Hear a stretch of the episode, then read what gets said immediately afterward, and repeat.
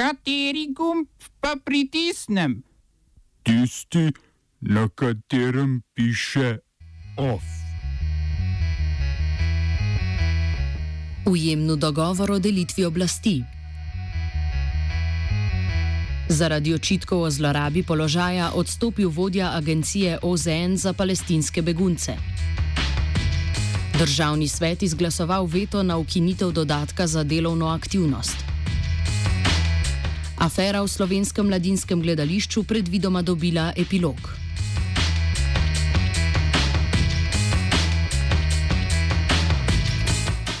Mednarodno priznana jemenska vlada je s separatisti, ki si prizadevajo za neodvisnost Južnega Jemna, podpisala sporazum o delitvi oblasti.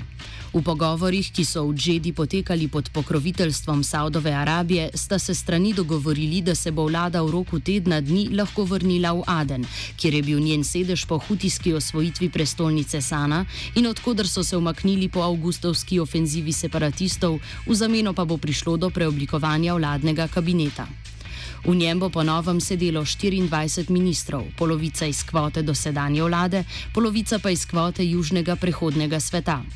Podpis sporazuma, ki ga je posebni odposlanec Združenih narodov za Jemen Martin Griffiths označil kot pomemben korak pri mirnem reševanju konflikta v Jemnu, pomeni strnitev vrst mednarodne protihutijske koalicije pod poveljstvom saudijske vojske. Zdi se, da na kratki rok ta dogovor ne prinaša končanje državljanske vojne, ki je pod pokroviteljstvom saudijskega vojaškega letalstva v štirih letih opustošila Jemen in povzročila eno najhujših humanitarnih kriz današnjega časa.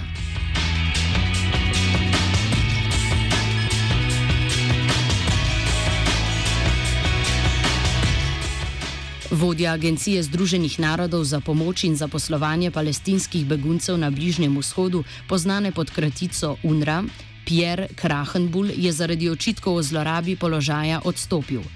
Etična komisija agencije je v notranjem poročilu, ki ga je julija objavila medijska hiša Al Jazeera, ugotovila več nepravilnosti pri ravnanju višjih uradnikov, kot sta nepotizem in koncentracija moči načet, načet ugled UNRE, ki od arabsko-izraelskega konflikta leta 1949 na območju Zahodnega brega, Jordanije, Libanona in Sirije vodi humanitarno dejavnost, bodo imenovanja novega vodje poskušal reševati Kristjan Saunders.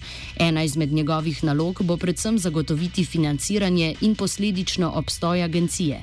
Sredstva sta, si, sta ji po pobeglem poročilu zamrznili Nizozemska in Švica. Še predtem pa so pod narekom predsednika Donalda Trumpa 270 milijonov evrov letne pomoči umaknile Združene države Amerike.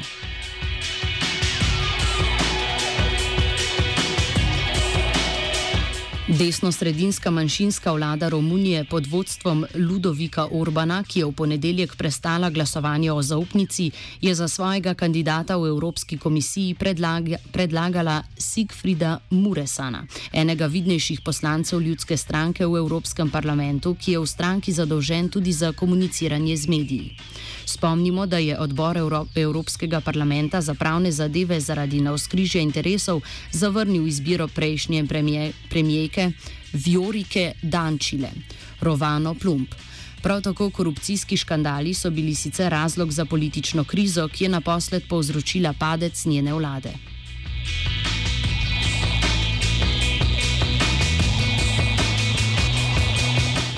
Predsednica Evropske komisije Ursula der Leyen ima tako na mizi vse predloge komisarskih kandidatov, ki bodo skušali popraviti vtis, ki so ga ustvarili njihovi predhodniki.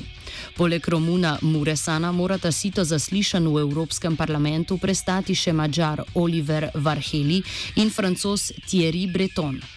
Po najhitrejšem, a malo verjetnem scenariju bi nova Evropska komisija svoj mandat nastopila z začetkom decembra. Potencialno se lahko zaplete pri spolni uravnoteženosti komisije, pogoju, ki ga je Der Leyen izpostavljala vse od začetka oblikovanja komisije, saj se je razmerje ob trenutni sestavi in predlogih prevesilo na moško stran. Če pa bo komisija z delom začela pred izstopom Združenega kraljestva iz Evropske unije, bodo morali Britanci predlagati svojega evropskega komisarja. Kdaj in kdo bo izvedel, izvedel Brexit, bo srednje vprašanje predvolilne kampanje na otoku. Čeprav je ta že v polnem teku, se uradno začenja danes z razpustitvijo britanskega parlamenta.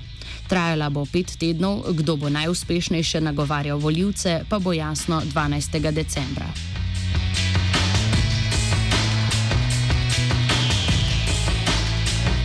Ostremu ušesu poslušalcev Radia Student se gotovo ni izmuznilo, da smo pri navajanju imena predsednice Evropske komisije, porodu Nemke, izpustili predlog FON. Avstrijsko ustavno sodišče je namreč odločilo, da je prepoved tega plemiškega predloga, ki ga z ukinitvijo plemstva določa zakon iz leta 1919, v skladu z ustavo.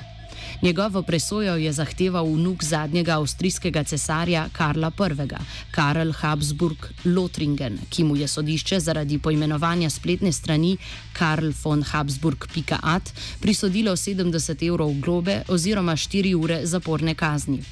Čeprav je upravno sodišče kasneje ra kazen razveljavilo, je sodba obstala. Sedaj je pritrdilo tudi ustavno sodišče, ki je ob v obrazložitvi zapisalo, da zakon na ravni ustave, ki je sredstvo za vzpostavitev demokratične enakosti, ne more biti neustaven. Oba, če, če bom odgovoril na angliški. Slovenija bo poskušala pomagati. Slovenija bo naredila naš utmost. To say that the situation is our problem ourselves. and uh, We will Make further steps as soon as the conditions are. bomo vlado Marjana Cererja, Mira- Marjana Cererja Šarca podprli. uh, very, very serious. we know how and we will. Državni svetniki so na predlog interesne skupine delojemalcev s 13 glasovi za in 3 proti izglasovali odločilni veto na novelo zakona o socialno-varstvenih prejemkih, ki med drugim ukinja dodatek na delovno aktivnost. Novela tako roma na vnovično glasovanje v državni zbor, za njeno potrditev pa bo tokrat potrebna absolutna navadna večina, torej 46 glasov. Na prvem glasovanju jo je podprlo 34 poslancev. Vladna koalicija bo tako podporo morala iskati pri slovenski demokratski stranki, ki je bila kljub navidezni podpori v prvo zadržana.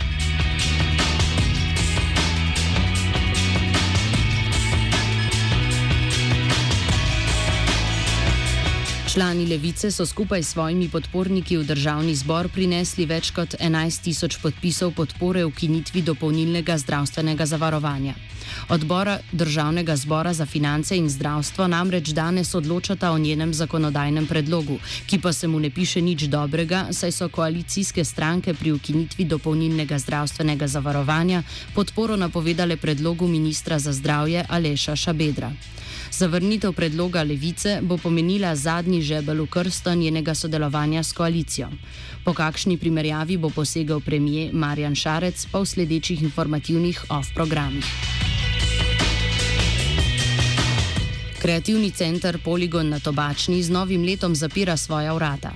Novi lastnik območja, podjetje Tobačna center, jim ne namerava podaljšati najemne pogodbe. Odločitev komentira Eva Matjaš, soustanoviteljica in programska direktorica Poligona.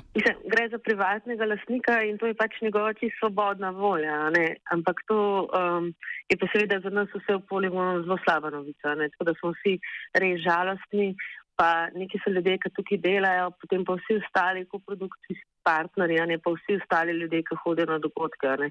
In to je ena tako ogromna skupnost, tako, ki, bo res s tem, ki, ki bomo mogli zapreti prizadeta. ne.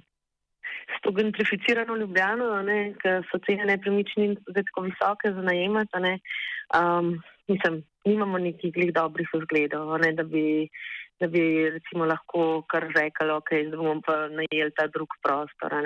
Mi smo itak tako, ali tako um, vse čas poligon držali nad vodo, zaradi tega, ker to čist neka taka od spodaj na vzgor privatna inicijativa bila vedno. In mi za svojo delovanje nikoli nismo bili podprti za to osnovno dejavnost strani nikogar. Uh, tako da smo mogli vse nekako na trgu zaslužiti. ne. Tako da zdaj to zadeva v situaciji, zdaj, ko je, so nepremični, cene nepremičnin tako drage za najemati, a ne, se jaz težko predstavljam, da bi lahko kaj takega um, v nekem drugem uh, prostoru postvarali. No.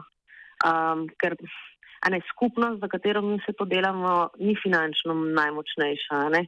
In če pa se mi usmerimo na neko drugo, populacijo, pa v bistvu to ni več naše poslanstvo, zaradi katerega sploh smo.